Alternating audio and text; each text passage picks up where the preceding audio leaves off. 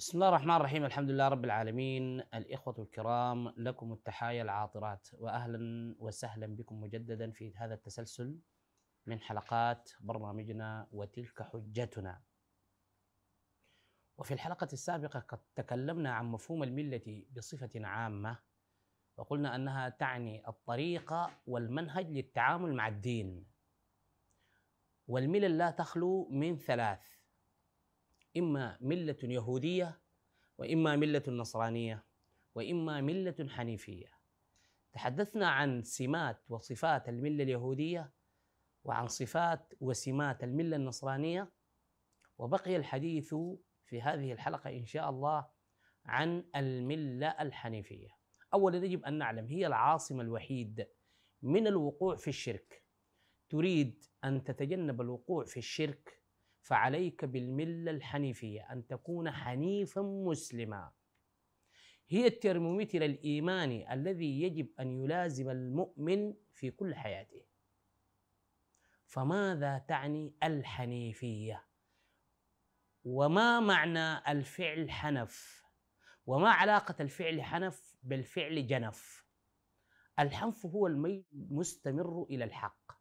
حركة الميل المستمر إلى الحق هذا هو الحنف. ويقابله الميل إلى الباطل في القرآن يسمى بالجنف. قال تعالى ومن خاف من موص جنفا أو اعراضا. في الوصية. في الوصية إما أن تعترض أي تكتم الوصية وإما أن تجنف تميل إلى الباطل يعني تقوم بتزوير وصية الميت. يقابلها الحنف هو الميل إلى الحق باستمرار. اذا لهذه الملة الحنيفية التي تعني حركة الميل إلى الحق باستمرار إذا أردنا أن نبين سمات هذه الملة لا بد أن نستذكر ونذاكر صفات المؤسس الأول لهذه الملة. أو الشخص النبي الذي تكاملت عنده مظاهر وسمات هذه الملة. سيدنا إبراهيم عليه السلام. تريد أن تعرف سمات الملة الحنيفية؟ عليك بسيرة إبراهيم عليه السلام ومن القرآن الكريم. لأنه النبي الذي حصلت في عهده القفزة التاريخية في مستوى الوعي البشري. يعني القرون ما قبل إبراهيم كانت تميل إلى المجرد والمشخص. يعني حاجة كده بشوفوها بعينهم. ليس هنالك تحليل واستخدام التحليل والتعقل والمنطق. في عهد إبراهيم عهد إبراهيم عليه السلام كان هو الخط الفاصل وهو الذي أسس لمسألة التعقل. ولذلك نجد اقتران سيدنا إبراهيم في القرآن الكريم جدا بمفهوم الحنيفية. كان حنيفا مشركا وما كان من المشركين واتبع ملة إبراهيم حنيفا إبراهيم حنيف إبراهيم حنيف. لماذا هذا الاقتران؟ لأن إبراهيم عليه السلام بحث عن الله بعقله قبل أن يوحى إليه بالتفكر في ملكوت السماوات والأرض. فلما رأى الشمس بازقة فلما رأى القمر بازقة قال هذا ربي. في استمرار يبحث باستمرار. لا يمكن أن يتوقف عن البحث. ينظر إلى الشمس فيقول هذا ربي. فعندما تأفل يمسك في الآخر أو يبحث عن الآخر. إلى أن وجه وجهه للذي فطر السماوات والأرض.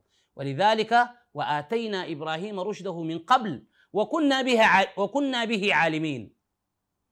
هذا هو سر ارتباط إبراهيم بالحنيفية. كان دؤوب الحركة وكثير الميل إلى الحق متى ما توفرت براهينه. لذلك اثر لمنظومة التعقل. فاقترن بإبراهيم استخدام الحجة. وتلك حجتنا آتيناها إبراهيم عنوان البرنامج. وحاجه قومه قال أتحاجوني؟ ألم تر إلى الذي حاج إبراهيم؟ إبراهيم الأداة التي تلازمه في دعوته إلى الحق هي استخدام العقل والحجة.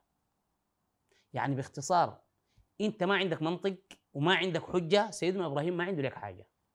اطلاقا ما عنده لك حاجة. ولذلك لم يعتمد في بلاغ دعوته اطلاقا على المعجزات الحسية. بس منطق. يعني ما بينتظر أو يدعو ربنا عشان ينزل له مائدة من السماء أو يأيده بعصا كعصا موسى. لا. عقله ده بس. منطق عقل حجة. فعندما راغ إلى آلهتهم ضربا باليمين انظروا إلى المحادثة. كانت استخدام الحجة والمنطق والعقل.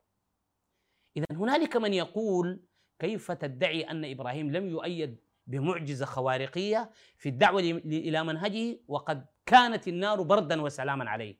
أقول لك أبدا. مسألة النار هي كانت تدخل إلهي لإنقاذ إبراهيم من الهلاك ولم تكن معجزة مؤيدة لمنهجه. مثلها مثل رفع عيسى عليه السلام ومثلها مثل انفلاق البحر لموسى لكي ينجو من الهلاك. هذا هو تدخل إلهي لإنقاذه من الموت.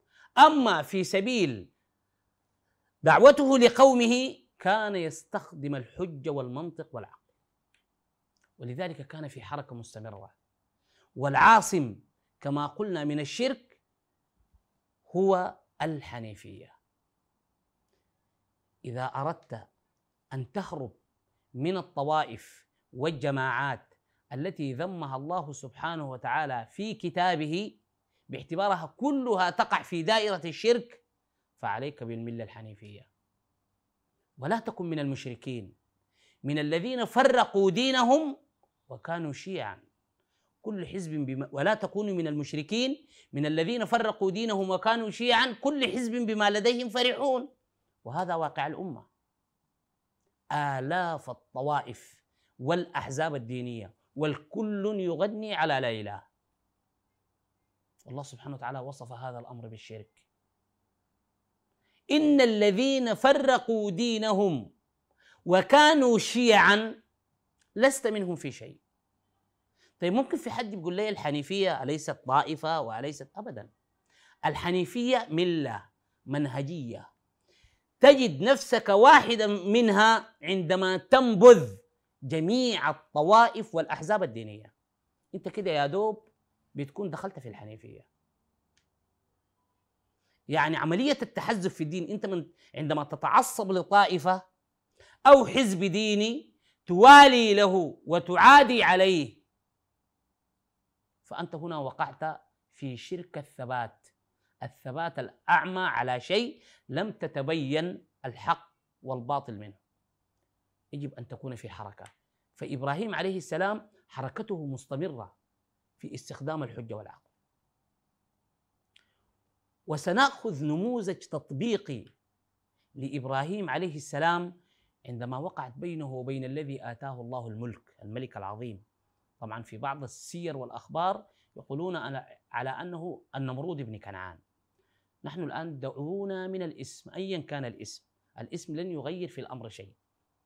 يجب أن نتقيد بالتسمية التي أطلقها القرآن. ألم تر إلى الذي ألم تر الذي حاج إبراهيم في ربه أن آتاه الله الملك. الشخص الملك الذي آتاه الله الملك عندما انتشر خبر إبراهيم على أنه يدعو لدين ولفكر جديد تصدى له هذا الملك لكي يحمي إمبراطوريته وليحمي سلطانه. ووقعت بينهما مناظرة رهيبة. في الحلقة القادمة إن شاء الله سنتطرق إلى هذه المناظرة ونتبين كيف كان إبراهيم ثاقب الفكر. نشط التعقل سريع البديهة. لا يمكن أن يهزم لأن الله سبحانه وتعالى قد آتاه رشده من قبل وكان به عالم وعلمه ما لم يكن يعلم وكان فضل الله عليه عظيما. ولذلك عندما خاطب الله النبي عليه الصلاة والسلام ثم أوحينا إليك أن أتبع ملة إبراهيم. تخطيا لموسى وعيسى. شوفوا القفز بالزانة ده. ليه عيسى وموسى عندهم مشكلة؟ مشركين يعني معاذ الله. ولكن الطريقة الإبراهيمية هي التي تختلف. وهذه إشارة واضحة. على أن النبي في بلاغ دعوته يجب أن لا يعتمد على المعجزات الحسية والخوارقية. اذا من هذا المنبر أنا أقول كل الكتب والمؤلفات التي تنوء بحملها العواتي في أن النبي له معجزات حسية هذا ينقص من قدر النبي ولا يعظمه. الضب الذي يتكلم، الحجر الذي يتكلم، الجمل الذي جاء يشتكي الجزع الذي يئن الشوربة اللي هو أكلوا منها الجيش كله. كل هذا ليس من الملة الحنيفية في شيء. لماذا؟ لأن الله سبحانه وتعالى أوحى إلى النبي أن يتبع ملة إبراهيم. لأن إبراهيم إطلاقا لم يعتمد على تأييد معجزة لكي يدعو بها قوم. وسنرى في الحلقة القادمة ماذا فعل في هذه المناظرة. إلى أن ألتقي بكم أترككم في حفظ الله ورعايته. السلام عليكم ورحمة الله تعالى وبركاته.